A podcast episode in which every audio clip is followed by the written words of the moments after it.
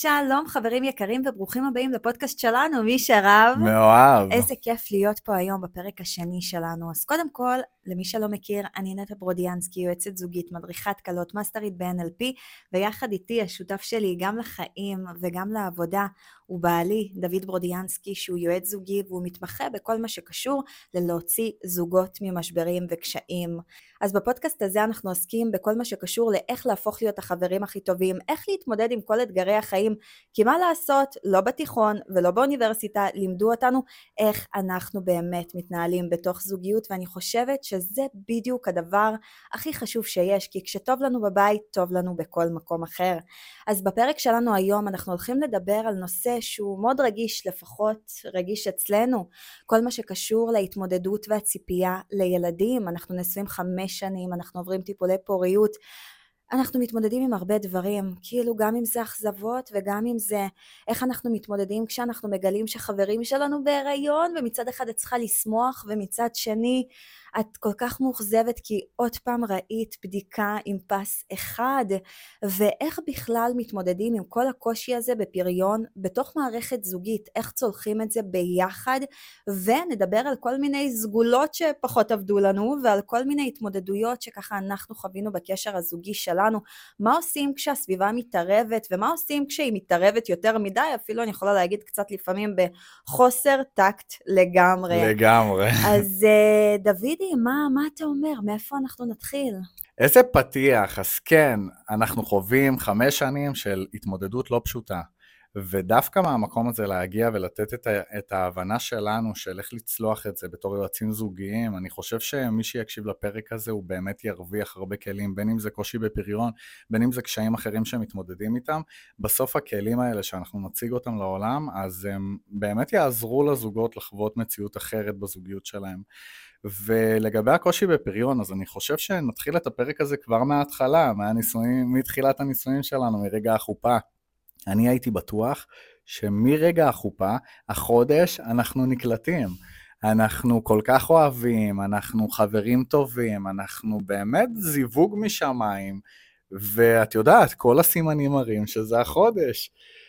והחודש עובר ואנחנו לא נקלטים.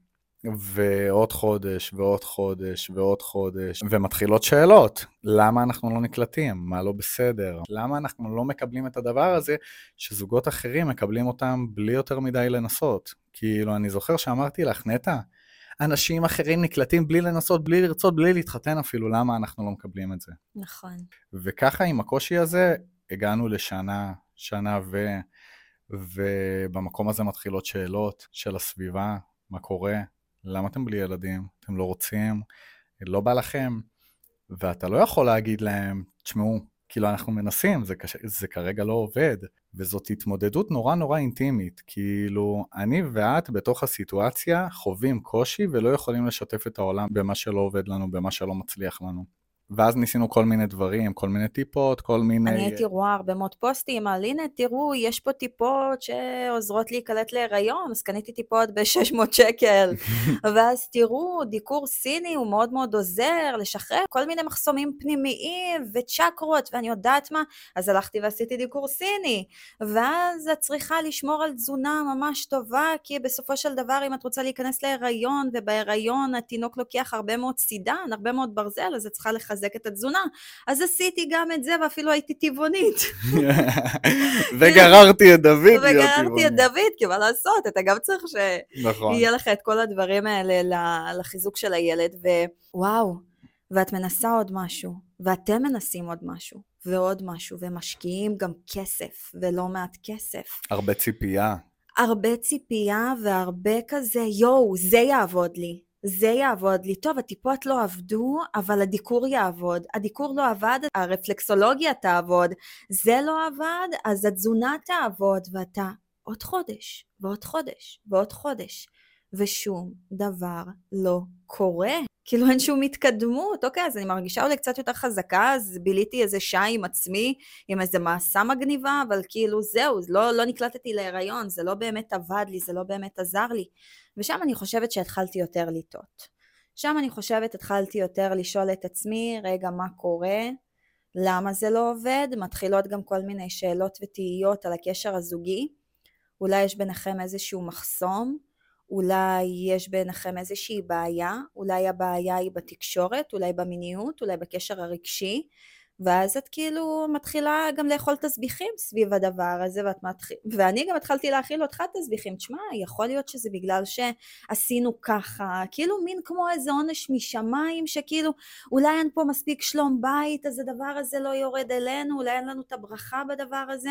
וזה היה מה זה מתסכל, אתה זוכר את זה? זה היה כאילו מתסכל. את מדברת על הדברים האלה, ואני באמת נזכר בתקופה הזאת, ופשוט אימא'לה. אמנם כרגע אין לנו עדיין ילדים, אבל אני שמח שאנחנו לא במקום הזה, אני שמח שהחלטנו להיצמד למקום הרפואי. זאת אומרת, כן לגשת לבדיקה, ותכף נרחיב על המקום הזה. לגמרי. אבל להתעלות בסגולות, במקום של התרופות הטבעיות, וכל פעם לחפש איזה פתרון קסם אחר שייתן לי מענה, בסוף זה לא קידם אותנו, זה לא, זה לא קידם אותנו במילימטר. כן. ומהמקום הזה החלטנו לגשת לרופא, ואני זוכר שניגשנו לרופא נשים, והוא שאל אותנו שאלה, איפה הייתם שנה שלמה? ולא כל כך הבנתי למה הוא מתכוון, כי אנחנו נשואים שנתיים, אז מה זאת אומרת שנה? והוא אמר שזוג שלא מצליח להיקלט בצורה טבעית במשך שנה שלמה, הוא מוגדר כקושי בפריון. ואני לא ידעתי את זה, כי אני שמעתי הרבה דברים של אל תדאגו עד שנתיים, זה יבוא, ובאמת שחיכיתי לרגע הזה של השנתיים, כאילו לא רציתי להגיע אליו, אבל ברגע שהגעתי אליו, אז זאת הייתה נקודת מפנה של אוקיי, לך תבדוק מה קורה. כאילו, כן, כאילו, זה... בפן מדעי, כאילו, בפן רפואי, לא רק בפן של כל מיני אמונות וכולי. בדיוק, אני לא חשבתי שיש לנו בעיה, אני רק אמרתי שבירור זה משהו שטוב לעשות אותו. אז ניגשנו לרופא והוא שלח אותנו לכל מיני בדיקות, ובאמת חלק מהבדיקות לא נעימות, לוקחות זמן, ו, ואתה מחכה לתשובה, אתה מחכה למצב שיגידו לכם, תקשיבו, הבעיה היא כאן, תתקנו את זה ויהיו לכם ילדים. שזה קצת כאילו כמו להיאחז במקום הזה של הטיפות ושל הדיקור ושל הזה, כאילו רק תעשה את זה ותקבל ילדים. וכשעשינו את הבדיקות, אז בהתחלה לא ראו אצלנו איזה בעיה, לא גילו איזה משהו שאפשר לשים עליו את האצבע, אז שלחו אותנו להזרעה, והזרעה זה בעצם תהליך נורא נורא פשוט שזוגות שהם עם קושי בפריון עוברים, שזה בעצם לוקחים את הזרע, ועל ידי צינורית מכניסים את זה לרחם של האישה, משהו נורא פשוט, בלי הרדמה, קצת הורמונים והכול. ואנחנו עושים את זה פעם אחת, ואנחנו עושים את זה פעם שנייה, ואנחנו עושים את זה פעם שלישית, וכאילו זה לא עובד. גם כאילו המקום הרפואי לא עובד. וזה היה נקודה עבורי שהיא נקודת שבירה. כאילו, ניסיתי הכל, הכל ניסיתי. Mm-hmm. ניסיתי גם את הטבעי, ניסיתי גם את הרפואי, אמנם הקל, אבל הנה, ואז באמת אנחנו הלכנו ככה להתייעץ עם זוג שהם גם אה, חוו את הקושי הזה, ואז הם אמרו לנו, תקשיבו, אנחנו הלכנו לכל מיני דוקטורים, רופאים מומחים, יש דבר כזה שקוראים לו IVF, שזה כבר דבר שהוא קצת יותר עמוק בפן הרפואי הזה, והלכנו לאחד המומחים שהמליצו לנו, והגענו ל, לרופא, ושם אני חושבת שוואו, גילינו עולם שלם, תספר על זה רגע. אני זוכר שכשנכנסנו לרופא, אז ראיתי שתי דברים. דבר ראשון זה שיש מלא אנשים, וכנראה שאנחנו הולכים לבלות כאן עד שלוש לפנות בוקר. הדבר השני זה שיש כאן המון אנשים. אני לא לבד בסיטואציה, אני ונטע לא חווים את זה לבד. זה לא הקל עליי בצורה של הצער שאין לי ילדים, אבל זה נתן לי איזה מקום יותר בנוח לדבר על זה ולשחרר את זה ממני, גם אולי קצת לסביבה הקרובה, אולי לאנשים שמתמודדים עם זה כמוני, והמקום הזה להבין שאתם לא לבד, אתם לא היחידים שחווים את הקושי הזה, זה דבר שאין לו מחיר. ואז נכנסנו לרופא, ואני זוכר שכשהוא שאל אותנו, למה אין לכם ילדים? Mm-hmm. ואמרתי לו, כי השם עוד לא החליט שיהיו לנו ילדים. ואז הוא אומר, אוקיי, ומה אמרו לכם בני אדם? עכשיו זה רופא דתי, ציפיתי שהוא יסתכל עליי ויגיד אוקיי, בסדר, אני מבין. יש כאן אלמנט של בדיקות שצריך לעשות אותן. ושם התחלנו את התהליך של ה-IVF, שהוא תהליך יותר רציני, שזה בעצם הפריה חוץ גופית, זה לוקחים זרע ולוקחים ביצית לתוך מבחנה. נוצר עובר, ואת העובר כשהוא עובר, מחזירים אותו לרחם. זה הרדמות וזה הורמונים וזה הרבה מאוד דברים מעבר, זה הזרקות שמזריקים בעצם אה, הורמונים לבטן ולא מעט. ואז בעצם אה, הולכים לבית החולים אה, ביום ש, שקובעים מראש, לפי המצב הרפואי של האישה, ושמים אותה בתוך הרדמה, והיא מורדמת למשך רבע שעה, עשרים דקות, אבל זו הרדמה כללית. זה מאוד כאילו לא בהינף יד. אה, ומתמודדים עם הרבה מאוד דברים. אני יכול להגיד לך שכזוג שהתמודד עם זה, אז החלוקה כאן היא לא באמת הוגנת. זאת אומרת, 95% מהדברים האישה חובה. ואני יכול להגיד לך שמהצד, חוץ מלתמוך, לא יכלתי לעשות הרבה, אבל באמת אין לי מילים לתאר את הגבורה שלך כאישה לחוות את הדברים האלה, והם לא דברים פשוטים, וחלקם מהם כואבים ולא נעימים, ויש התאוששות, ו... ויותר מהכל, עשיתי כל כך הרבה כאילו, ואני מצפה שייצא, וברגע שלא יוצא, mm-hmm. אז האכזבה שלך היא כנראה הרבה הרבה הרבה יותר גדולה משלי. אני חושבת שאצל אנשים זה משפיע מאוד על חיי היום-יום שלהם, זאת אומרת, אחרי, ה, אחרי ההרדמה, אז אם אתה זוכר, ישנתי איזה 16 שעות, משהו כזה, והייתי הכי לא אני, ואז את מבינה שאוקיי, התהליך הזה לא צלח, והנה עשיתם אה, החזרת עוברים, וזה לא עבד, ולא עבד, ולא עבד. וכל הזמן גם הדוקטור מנסה לשנות כל מיני דברים, ואת אומרת לעצמך, וואי, מה הוא ייתן לי הפעם? מה הוא ייתן לי הפעם?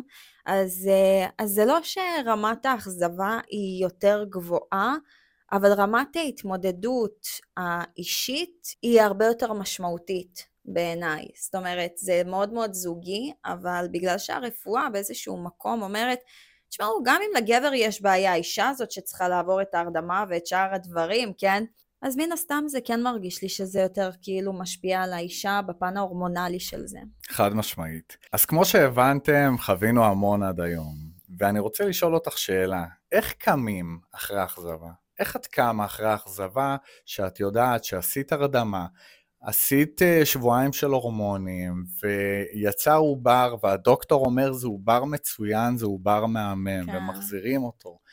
ושבועיים של אה, ציפייה, ו- ואין כבר ציפורניים באצבעות מרוב הלחץ, ואז אנחנו רואים שיש פס אחד. איך את קמה אחרי דבר כזה? מה את חווה ברגע הזה? אז אני חושבת שאני נעה בין שתי עולמות, מאוד מאוד תלוי במקום הרגשי שלי. יש את הפעמים האלה שאני פשוט הייתי אומרת לעצמי, את עכשיו רוצה להיות לבד ואת לא מתעסקת בשום דבר היום, את חווה את זה פול טיים, זאת אומרת כאילו תישברי ליום אחד, תאכלי את הקילו גלידה שלך, כאילו תהיי עם עצמך ותקומי מחר כמו חדשה. זאת אומרת, יש את המקום של השבר, וכן, גם היו פעמים שהייתי באמונה ואמרתי לעצמי, זה מה שבורא עולם החליט, וזה הדבר הכי מדויק לי והכי נכון לי, וישר קמתי. אין לזה איזשהו סיסטם מסוים, זה מאוד מאוד תלוי במה אני חוויתי לפני, וזו בעצם ההתמודדות, זאת אומרת, אני מאוד חושבת שאני במודעות לאפשר לעצמי לה, להרגיש את מה שאני מרגישה, ואני לא מנסה לשחק אותה. אתה מבין מה אני אומרת? כן. אני לא מנסה לשחק אותה, יאללה, הכל בסדר, כשאני מרגישה לא בסדר, ואני לא מנסה להגיד לעצמי, יואו, איזה באסה, כשאני באמת באמונה. כאילו, את זו... נותנת לעצמך. אני מאפשרת לעצמי, אני נותנת לעצמי 100% של אה, כף זכות, מה שנקרא, על הדבר הזה, ואני אומרת לעצמי, מה יעשה לך טוב? ואם יעשה לי טוב לנעול את עצמי בחדר ולאכול גלידה ולהיות עם עצמי ולראות בין של איזה סדרות לא כל כך אה, חכמות אבל פשוט כדי לשחרר את המוח זה מה שאני אעשה ואם יעזור לי לשבת איתך ולדבר על הדברים אז זה מה שאני אעשה ואם זה יעזור לי ללכת לחברה זה מה שאני אעשה. את חושבת שאישה שהיא עכשיו לפני החזרה היא צריכה להכין את עצמה ברמה של זה הולך לקרות, או להתכונן למה יקרה אם זה לא יעבוד?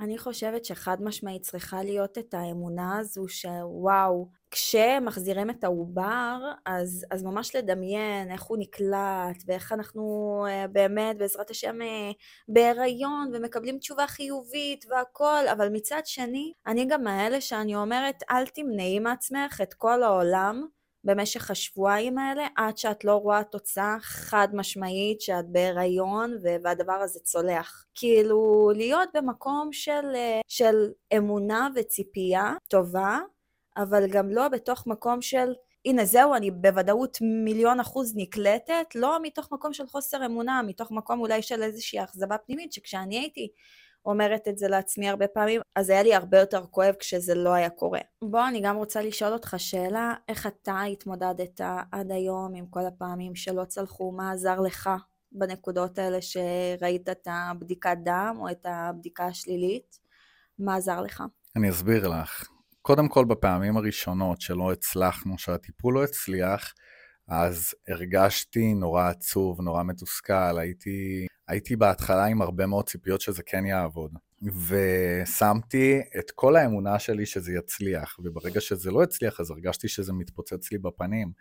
הרבה פעמים היו שאלות ממקום של אמונה, אז רגע, אולי לא יהיו לנו ילדים, אולי זה לא יצליח. ובאיזשהו שלב אני חושב שהחלפתי את הדיסק ממה אני חווה למה אשתי חווה.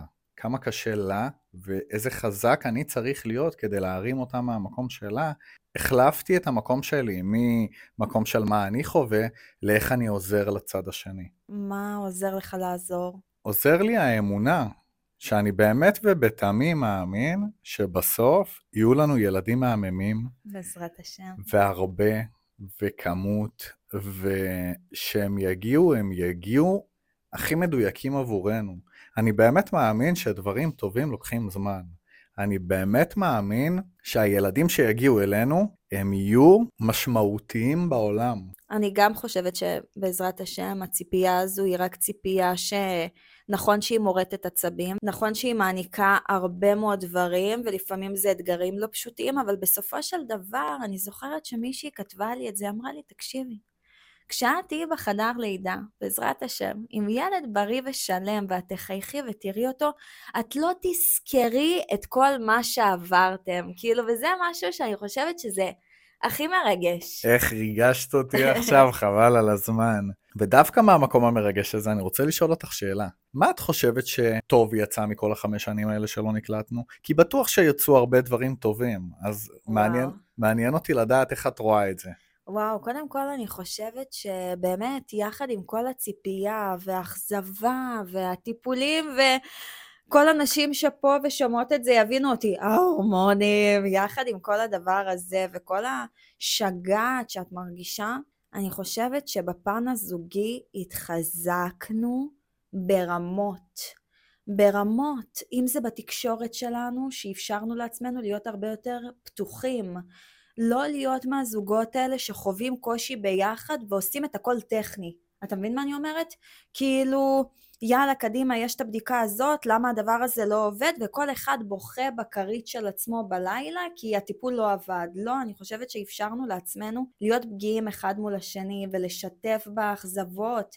אתה לשתף אולי באכזבה בפן הבריאותי שלך שמונע את הדבר הזה, ואני לשתף באכזבה של הפן הבריאותי שמונע ממני אולי את הדבר הזה. זאת אומרת, אנחנו שנינו כאילו נפתחנו לאיזשהו עולם חדש שהוא הרבה יותר מחבר, ואם אני יכולה לתת איזושהי עצה אולי לזוגות שעוברים את זה, חברים, תשתפו, תבכו ביחד, תצחקקו ביחד, תראו על זה סטנדאפ ביחד, כאילו תחוו ביחד את כל הקשת של התחושות, כי זה מאוד מאוד מחבר, ובסופו של דבר כשהילדים שלכם יגיעו בעזרת השם בקרוב, והם יראו זוג מאוחד, זה משהו שייתן להם את, ה, את האהבה הכי גדולה בעולם. זאת אומרת, כאילו זאת באמת תהיה השראה. כי יש אנשים שעוברים את כל הקשיים שלהם בצורה מאוד מאוד נפרדת. אז זאת הנקודה הראשונה שאני חושבת שמאוד התחזקנו בה, מאוד מאוד התקרבנו רגשית ותקשורתית. הנקודה השנייה, אני חושבת שבנינו בסיס מאוד מאוד טוב. הלכנו, אה, בלי קשר לטיפולי פוריות, התמודדנו עם, אה, עם התפתחות בקריירה שלנו, שנינו יועצים זוגיים, מאוד השקענו זמן בכלים ובדברים שלנו, בזוגיות, אז מן הסתם הילדים גם יגיעו לבית הרבה יותר שלם וטוב, ו... ואני חושבת שגם באיזשהו מקום, הנקודה השלישית היא ש... הבנו מה זה להיכשל ביחד ולצמוח מזה. אני חושבת שזה הכי חשוב. איזה יופי. אני באמת חושב שכל מה שאמרת הוא לא מובן מאליו. כי קיימת מציאות בחוץ של אנשים שהם לא מצליחים להביא ילדים, והקשיים בדרך שוברים אותם. מרסקים אותם, מרסקים להם את הזוגיות, ובסוף הם מחליטים אה, לסיים את הקשר הזוגי, ואנחנו בחרנו אחרת. אז הנקודה כאן שאני רוצה להציג אותה, היא שזה עניין של בחירה. וזה וואו, לא... ממש. וזה לא רק על העניין של הפריון. כשאני ואת מתמודדים יחד מול קושי, אנחנו בוחרים. בוא נתמודד עם זה כצוות, כחברים הכי טובים, או בוא כל אחד יהיה עם עצמו וינסה למשוך לצד שלו ולהאשים. או יאשים, כן, או יאשים את הצד השני, בדיוק. אז אני חושב שהנקודה הזאת של אם עוד לא החלטתם שאתם מתמודדים עם הקושי הזה כמו החברים הכי טובים, אני חושב שזה רגע מצוין להחליט את זה, ותשאלו את עצמכם, איך החברים הכי טובים היו מתמודדים עם קושי כזה? ופשוט תיקחו את התשובות שלכם ותיישמו אותם בחיים האישיים שלכם. כי באמת אנחנו, מהמקום הזה, יכלנו להישבר, אבל בחרנו אחרת, בחרנו לצלוח את זה כמו חברים. לגמרי, איזה נקודה חשובה ומצוינת, ואני רוצה רגע לקחת אותך לעוד משהו. למקום הזה של ההתערבות של הסביבה. אוי אוי אוי אוי אוי. מה עושים? עושים כשיש את השאלות המציקות האלה, שכבר די, אין לך כוח, כאילו גמרתם אותנו, אתם לא רואים שהזוג נשוי כמה שנים וכאילו לא נכנס להיריון? מה החוסר טקט הזה? אז קודם כל, אני חושב שיש לי מלא מלא דברים להגיד מכל מיני זוויות uh, שונות. קודם כל, מי שלא יודע, לנטע יש קרוב ל-50 אלף עוקבות באינסטגרם, זה פלטפורמה מטורפת לחטטנות.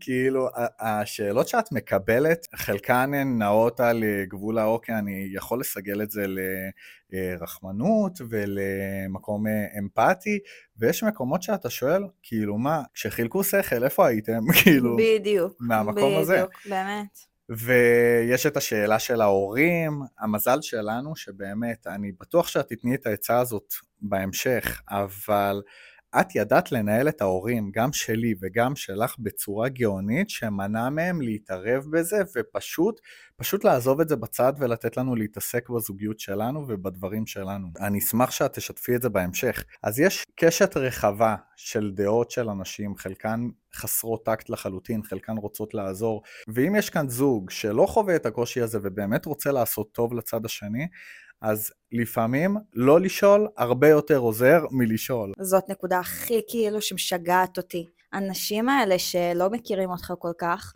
ואז באים ושואלים, מה, אתם אה, נשואים טריים?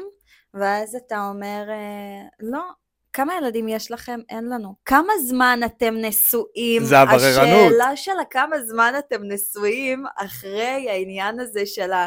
יש לכם ילדים, אחותי, בואי פשוט תבואי איתי לדוקטור שלי, וכאילו באמת, תבואי להחזרה ולהרדמה ולכל הדברים, כאילו, יואו, זה פשוט משהו שיכול באמת להטריף אותי ולהוציא אותי מדעתי, כי אני חושבת שיש יש איזשהו גבול, או כל ההודעות האלה שהן uh, כזה, רגע, שנייה, אבל לא הבנתי, אתם נשואים כבר חמש שנים ועדיין אין לכם ילדים?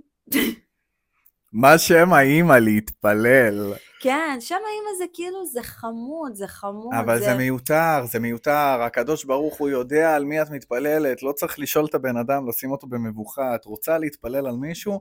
פשוט תכווני, אני מתפללת על אותו בן אדם. כן, בת חווה, כן, תקראו לזה, איך כן. שאתם רוצים. אני מתמודד עם זה הרבה פחות ממך עם שאלות. את, אני יודע שאת מוצפת, בין אם זה ברשתות החברתיות, בין אם זה בסיטואציות חברתיות שאת נתקלת בהן, את באמת שואלים אותך, כאילו מרגישים, אני לא יודע למה מרגישים בנוח לשאול אותך ולא אותי. זה המקום שלך לבוא ולשתף, איך את מתמודדת עם זה, מה את אומרת על שאלות כאלה, איך את מונעת אותן, מה את עושה.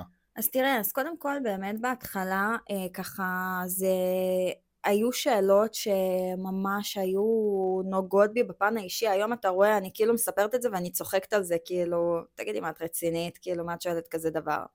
אבל אז זה מאוד היה במקום אה, מאוד רגיש אצלי והיה לי מאוד קשה עם זה, אז הייתי מגיבה מתוך מקום של אה, תודה על הדאגה, הכל בסדר או משהו כזה, או שלפעמים גם לא הייתי מגיבה בכלל, אבל אז הייתה איזושהי נקודת מפנה אחרי איזה משהו שחווינו, שהיום אני חושבת שבפרק הזה מיותר לציין אותו כאן, אולי נדבר עליו בהמשך, אבל פתאום אמרתי לעצמי, וואי, אולי תפסיקי להתחבא, ותבואי ובאמת תגידי מה את חווה ומה את עוברת. וביום שהחלטתי לצאת מהארון עם הטיפולי פוריות, הכמות נשים ששלחו לי הודעות, וואו, אני פשוט הבנתי, אני הרגשתי שחצי אינסטגרם שלי עובר טיפולי פוריות.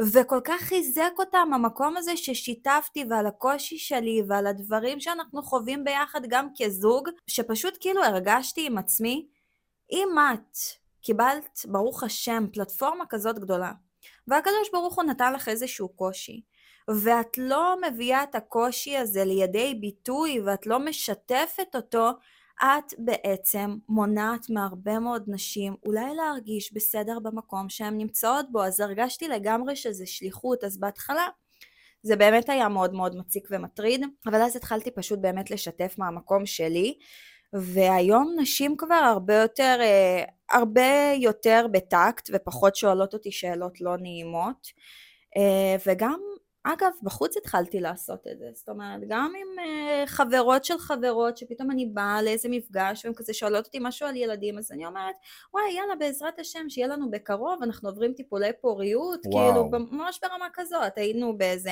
הפרשת חלה עם מיכל וזה, והיה לה שם כל מיני חברות, ובאמת באתי ושיתפתי, ובהתחלה היה לי, מה זה מוזר, כאילו, מה אני באה ואני משתפת את זה. מצד שני, אני לא רוצה שאף אחד ירחם עליי, כי אין מה לרחם עליי. אני לא אוהבת את המבטים הרחמניים האלה, הכאילו, וואי איזה מסכנים הם חמש שנים ביחד ואין להם ילדים, ברוך השם יש לנו את הזוגיות הכי מדהימה בעולם והכל בסדר ותאמינו לי אני ישנה טוב בלילה והכל טוב, כאילו אני מאוד רוצה את זה, אבל זה לא אומר שמשהו בזוגיות או בנו לא בסדר, אז כאילו הפסקתי לראות את זה כאיזושהי בעיה בוא נגיד ככה, וההפך אני משתפת אז... אה, איזה לביאת, כאילו זה מה זה לא מובן מאליו לבוא לאנשים ולהגיד להם כן, אנחנו עוברים טיפולי פוריות, זה כאילו מצד שני, זה, זה נותן לצד השני איזה כאפה מסוימת, כאילו, כן. כי הוא מצפה למשהו אחר. כן, כאילו... הוא מצפה לכאילו איזה, אתה יודע, כזאת מישהי שכזה, או, זה, והוא יודע, אולי הצד השני יודע, בואנה, הם רואים כאילו חמש שנים נשואים, אין ילדים, ואז כזה באים ונוגעים באיזה נקודה ראשונה, אה, נקודה רגישה. אז הם אולי מצפים לאיזה מישהי כזו קטנטנה, שאתה יודע, שתתקרבן עם עצמה, ואת לא מבינה, וזה, כן, אנחנו עוברים טיפולי פוריות. תתפללו. עלינו. תתפללו עליי, ואני נוסעת לאילת, לסופש עם בעלי, כי אני יכולה לעשות מה שאני רוצה עכשיו, כאילו. אני הפסקתי לרחם על עצמי בעניין הזה של הטיפולי פוריות, אני חושבת שמי שעובר טיפולי פוריות זה לא אומר שום דבר עליו, חוץ מזה שהוא עובר טיפולי פוריות. איזה יופי. זהו, זאת הנקודה, אתם הכי סבבה בעולם והכל טוב איתכם ואתם בריאים ושלמים, ואם השם מוריד לכם את המקום הזה ואת הדבר הזה, סימן שאתם יכולים לעמוד בו. הקדוש ברוך הוא לא נותן ניסיון לבן אדם שאין בכוחו את הכוח לעמוד בזה. אז נכון שלפעמים לפעמים זה מאוד מאוד כזה צורם לראות uh, מישהו אחר, אתה יודע שיאללה חצי שנה אחרי חתונה נקלטים וזה וברית ועניינים, אבל באיזשהו מקום, רגע, יש את התהליך שאתם צריכים לעבור. נכון. והתהליך מדויק לכם ברמת הדיוק. Uh, וזהו, אז uh, ככה נסחפתי עם כל הדברים, אני חושבת שזה נקודות חשובות. ואיך אתה מתמודד עם ההתערבות של הסביבה? אז קודם כל, כל הדברים שאמרת הם מדהימים בעיניי, לבוא ולשים את זה בפרונט, לא להתבייש, כן? אתם יודעים, אני אפילו, אני לא חשבתי על זה אף פעם. שבאים ושואלים אותי, אני ממקום אחר, כן, אנחנו חמש שנים, בעזרת השם, בעזרת השם, זה מה שאני אומר. כשאומרים לי, אה, בעזרת השם, בעזרת השם, כאילו זה השיח. אבל אתה לא מרגיש, אני חייבת לעצור אותך, אתה לא מרגיש את המבט הרחמני? כן. של ה... אני לא יכולה לסבול את המבט הרחמני הזה. אז אני בחיים לא חשבתי על זה, ופתאום כשאת אומרת את זה, כן, אנחנו עוברים טיפולי פוריות, זה כאילו, מצד אחד זה לצאת מהארון, מצד שני, כן, אין בזה שום דבר פסול, למה לא אמרתי את זה עד היום? למה אני צריך להתחבא? וכשאת שואלת אותי איך אני מתמודד עם שאלות מהסביבה, אז אני חושב שאני אסובב את זה עלייך, כי אני נתתי פה בילדאפ רציני לאיך את, לאיך את גרמת להורים שלנו לא להתערב בנקודה הזאת? כי אנחנו נעשה פרק שלם על הורות, על אה, הורים, על אה, חמה וחמותה וכל המשפחה המורחבת, אבל את יצרת כאן מציאות שבה חמש שנים ההורים כאילו רוצים נכדים, הכל טוב, אבל הם לא מתערבים, ואני יודע מה את עשית ואני רוצה שאת תגידי לכל העולם מה את עשית. תראה, אה, מה שעשיתי פשוט מאוד, אני בחרתי את מה אני רוצה לשתף ונתתי להם סופר תחושה שהם משותפים בכל מה שרלוונטי להם להיות משותפים בו. זאת אומרת, מה שקורה זה שיש הרבה פעמים שזוגות מתמודדים עם טיפולי פוריות או כל מיני דברים והם נורא נורא מתחבים. ואז מרוב שהם מתחבאים הם גם מפסיקים לשתף דברים אחרים את ההורים. ואז ההורים מתוך מקום שהם לא מקבלים אף שיתוף הם הולכים דווקא לנקודות הרגישות. אז מה שאני כל הזמן עשיתי והובלתי זה, זה נושאים שהם אחרים. לא מדברים על ילדים, לא מדברים על זה, אני מדברת איתכם על דברים אחרים, לא מתוך מקום של חלילה לסתום פיות, או כאילו לא לענות לשאלות. הם לא הרגישו צורך בכלל בלשאול אותי דברים, כי כל הזמן הייתי מתעסקת בלייצר איתם שיחות על דברים אחרים. את ממלאה להם את המקום של השיתוף, בעצם אתם מעורבים בחיים שלנו, כי אנחנו מערבים אתכם. אם אנחנו נוסעים לטיול, אז אנחנו שולחים לכם סלפי, הנה תראו, החיים שלנו טובים, הנה זה מה שעשינו, זה, זה המסעדה שיצאנו אליה. זאת אומרת, הם מרגישים שה... רמת המעורבות שלהם היא גבוהה בקשר, ואז הם לא מרגישים צורך לבוא ולהתערב במקומות שאנחנו לא יוזמים אותם. וזה נקודה שאת גאון שעשית את זה, כי זה מוכח שזה עובד. ואני רוצה לשאול אותך על נקודה אחרת, שאני חושב שהיא חשובה. תגידי, כשזוג חברים נקלט להיריון, וואו. איך מתמודדים עם זה? מה, מקנאים? כאילו באמת, תשמעי, תכלס, אני אגיד לך, כי זו שאלה שאנחנו לא מדברים עליה, כי, אנחנו, כי זה פוליטיקלי קורקט. אני מבין מה צריך להיות, את מבינה מה צריך להיות, תיאוריית העולם המדהים, אבל בסוף יש את התחושות שלנו, ופה אני רוצה לשאול אותך, יש קינה אז תראה, זה מאוד מתחלק, כי באמת, כמו שאמרת, יש את העולם החיצוני שאני אמור להגיב מאיזשהו מקום, ובואנה, זה חברים שלי, אני הכי אמור להיות שמח בשבילם, ויש את המקום הפנימי שהוא קצת חווה כל פעם איזושהי אכזבה מסוימת, של איך זה יכול להיות שלכולם זה קורה ולי זה לא קורה. אז אני אתן לך איזושהי דוגמה, ואני חושבת שהדוגמה הזו יכולה בעצם קצת יותר להעמיק באיך אני התמודדתי עם זה עד היום. אז אה, שתי חברות מאוד טובות שלי נקלטו להיריון ממש בפער של אולי חודש אחת מהשנייה. עם האחת כמעט ולא שמרתי על קשר והיה בינינו נתק מטורף. וואו. והשנייה דווקא יותר התחברתי אליה והייתי איתה לאורך כל ההיריון ואפילו אמרתי לה תקשיבי ברגע שאת יולדת אני שומעת לך על הילד השני ואנחנו כאילו כזה.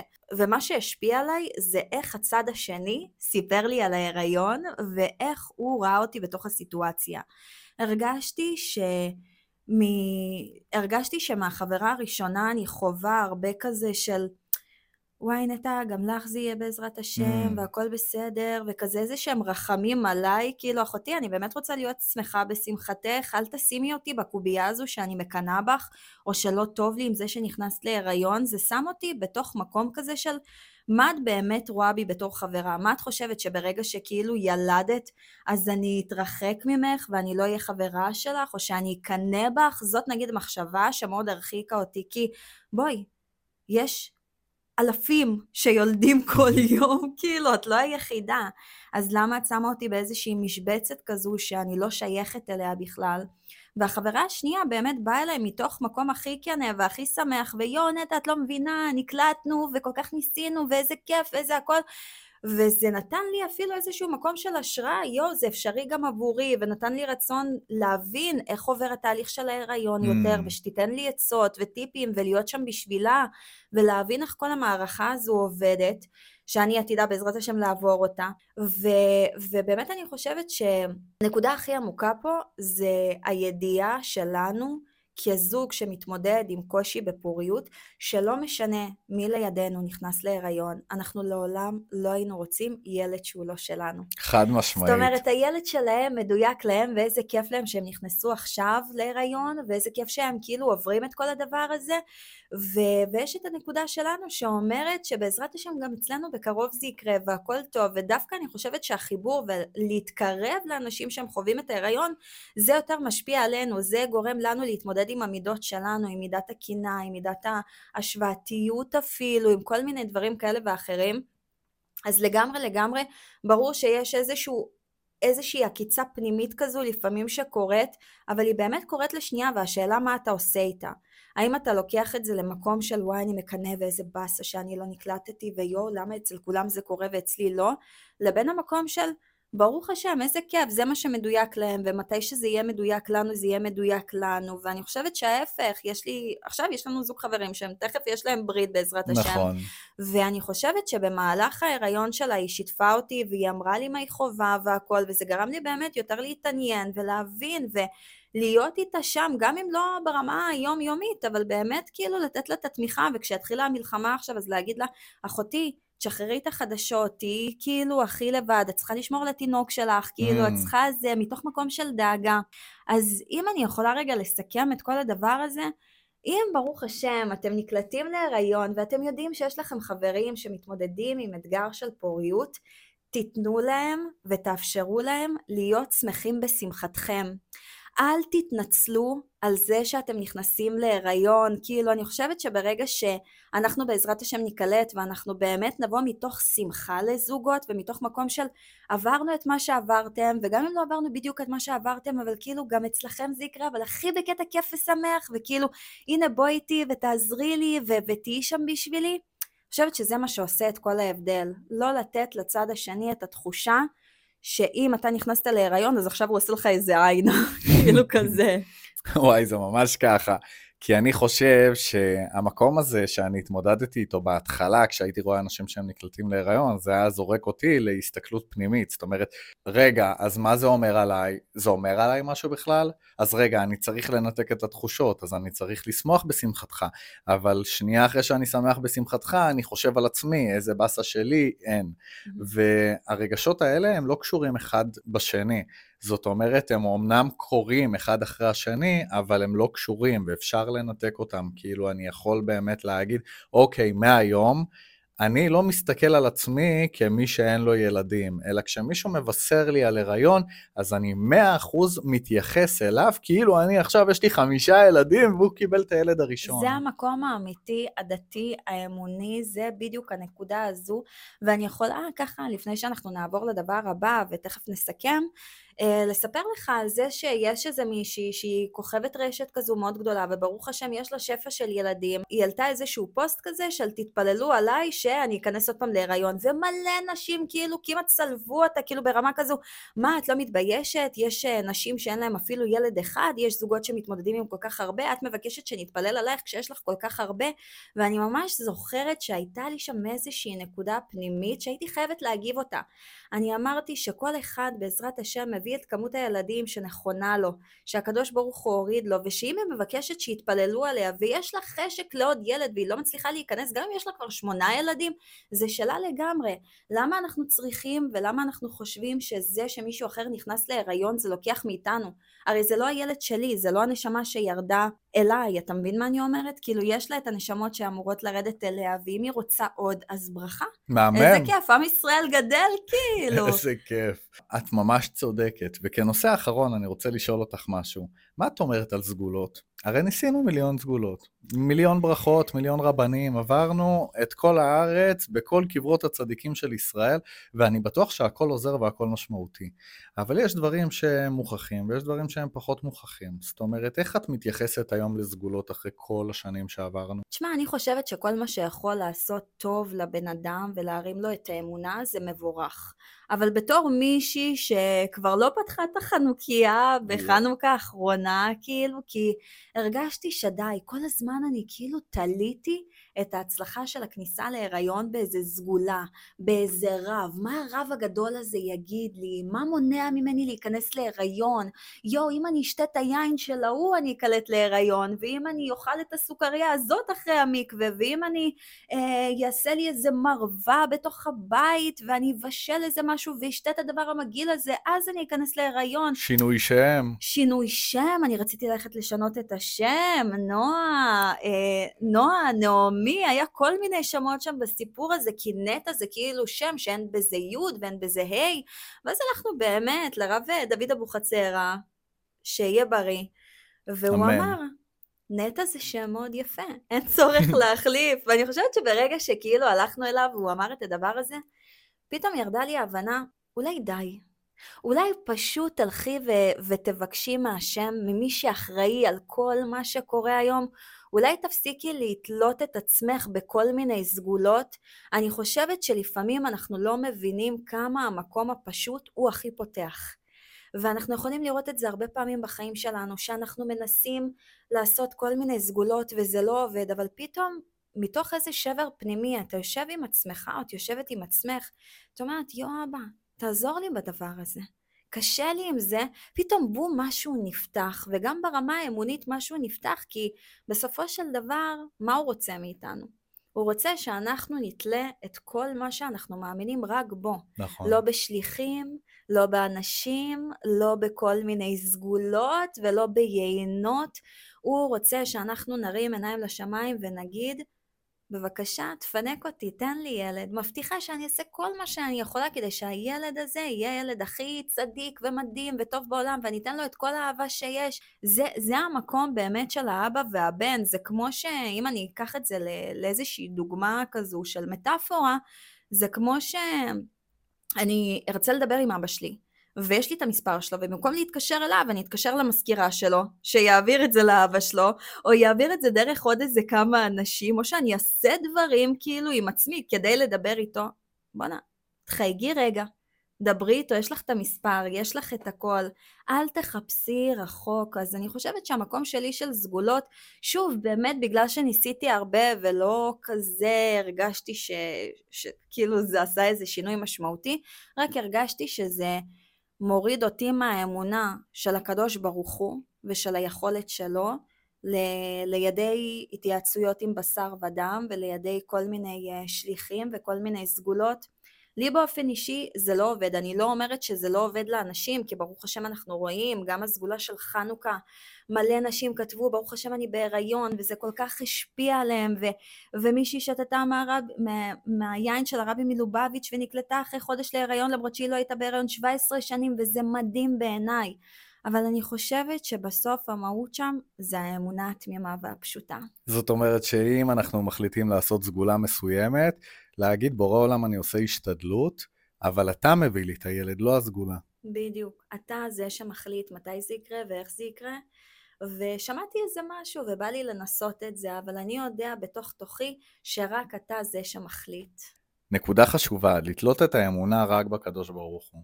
הזוגות יקרים, אם אני יכול להגיד לכם משהו אחד שתיקחו מהפרק הזה, זה שאתם לא לבד. אם אתם חווים את הקושי בנושא הילודה, אז תזכרו שאתם לא לבד וחוו את הקושי הזה לפניכם, והיום ברוך השם אנשים נמצאים עם שישה ילדים ושבעה ילדים ושמונה ילדים, ובסוף הדבר הזה מגיע, וברגע שהוא מגיע, אף אחד לא זוכר את הקושי שהם עברו, כולם מתעסקים בטיטולים, בלילות בלי שינה, בלתת ולהעניק, ובעזרת השם אני מאחל לכולנו שאנחנו ניקלט ושיהיה הריון קל, בריא, תקין, בידיים מלאות, בשמחה אחר לידה, וש...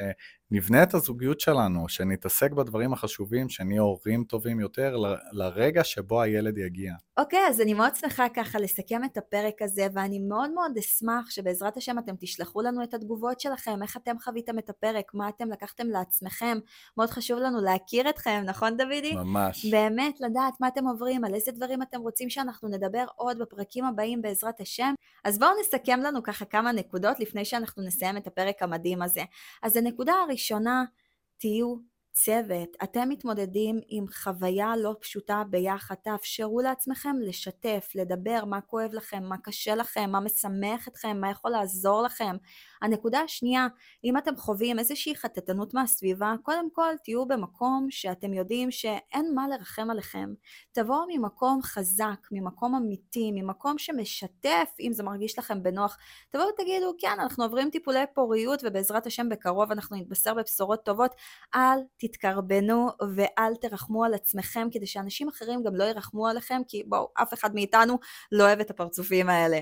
הנקודה השלישית לגבי כל מה שקשור לאיך מתמודדים עם האכזבות יש את המקום שאנחנו צריכים לאפשר לעצמנו לחוות אותו, את האכזבה, לאפשר לעצמנו פרק זמן מסוים, אבל יחד עם זאת גם צריך לדעת מתי לקום. ואם צד אחד מכם רואה שהצד השני יותר קשה לו לקום, תבדקו מה אתם יכולים לעשות כדי לעזור לו. ואם אתם מרגישים שלכם קצת יותר קשה לקום, תשאלו את עצמכם איזה דבר אחד אני יכול סלש יכולה לעשות כדי להחזיר לתוכי את המקום הזה של האמונה. יכול להיות שזה לראות סרטוני אמונה, יכול להיות שזה לראות כל מיני סיפורים על אנשים שהתמודדו במשך הרבה מאוד שנים עם טיפולי פוריות ובסוף ראו את האור וזה ככה מחזיר את המוטיבציה. יכול להיות שזה סתם לשבת על איזה כוס אה, יין עם חבר או חברה טובה ופשוט לשתף מה אתם עוברים חברים, והכי חשוב, תשבו באמת אחד עם השנייה. הנקודה הבאה היא באמת כל מה שקשור לאיך אנחנו מתמודדים עם זה שחברים שלנו נקלטים להיריון. לשמוח בעזרת השם בשמחתם, להיות שם עבורם, ולא לשכוח שמה ששלכם יגיע עד אליכם, אז תהיו שלמים במקום שאתם נמצאים בו. גם אם בהתחלה זה יהיה fake it until you make it, וגם אם בהתחלה זה לא יבוא טבעי, אבל באמת תיקחו לעצמכם את זה בתור איזושהי נקודה. לא משנה מה יקרה בחיים שלכם ולא משנה איזה קושי יהיה, בחיים לא תרצו להתחלף עם אף בן אדם אחר, ואני חושבת שזאת הנקודה הכי קריטית שיש. ודבר אחרון, אם אתם מתמודדים עם קשיים ואתם מרגישים שאתם צריכים עוד ערך, עוד ידע בדבר הזה, אתם יכולים באמת ללכת לאנשי מקצוע שממש מטפלים בזה, כמו לצורך הדוגמה מכון פועה. מכון פועה נותנים הרבה מאוד הרצאות וכלים בנושאים האלה, ויש להם כל מיני שיעורים למתמודדי פוריות, וזה באיזשהו מקום נותן קצת יותר לגיטימציה לכל התחושות ולכל הרגשות, אז אני חושבת שככה זה יכול מאוד מאוד לעזור לכם, וכמובן גם לנו. אז uh, אני ככה מאחלת לכם בעזרת השם הריון קל ותקין בידיים מלאות במהרה. אמן. והרבה מאוד בשורות טובות. אז שמחנו להיות כאן היום, נטע ודוד, אתם מוזמנים לשמור את הסרטון, לשלוח אותו לחברים אולי שגם מתמודדים עם טיפולי פוריות וכל הדבר הזה. מקווים שנהנתם וניפגש בפרק הבא.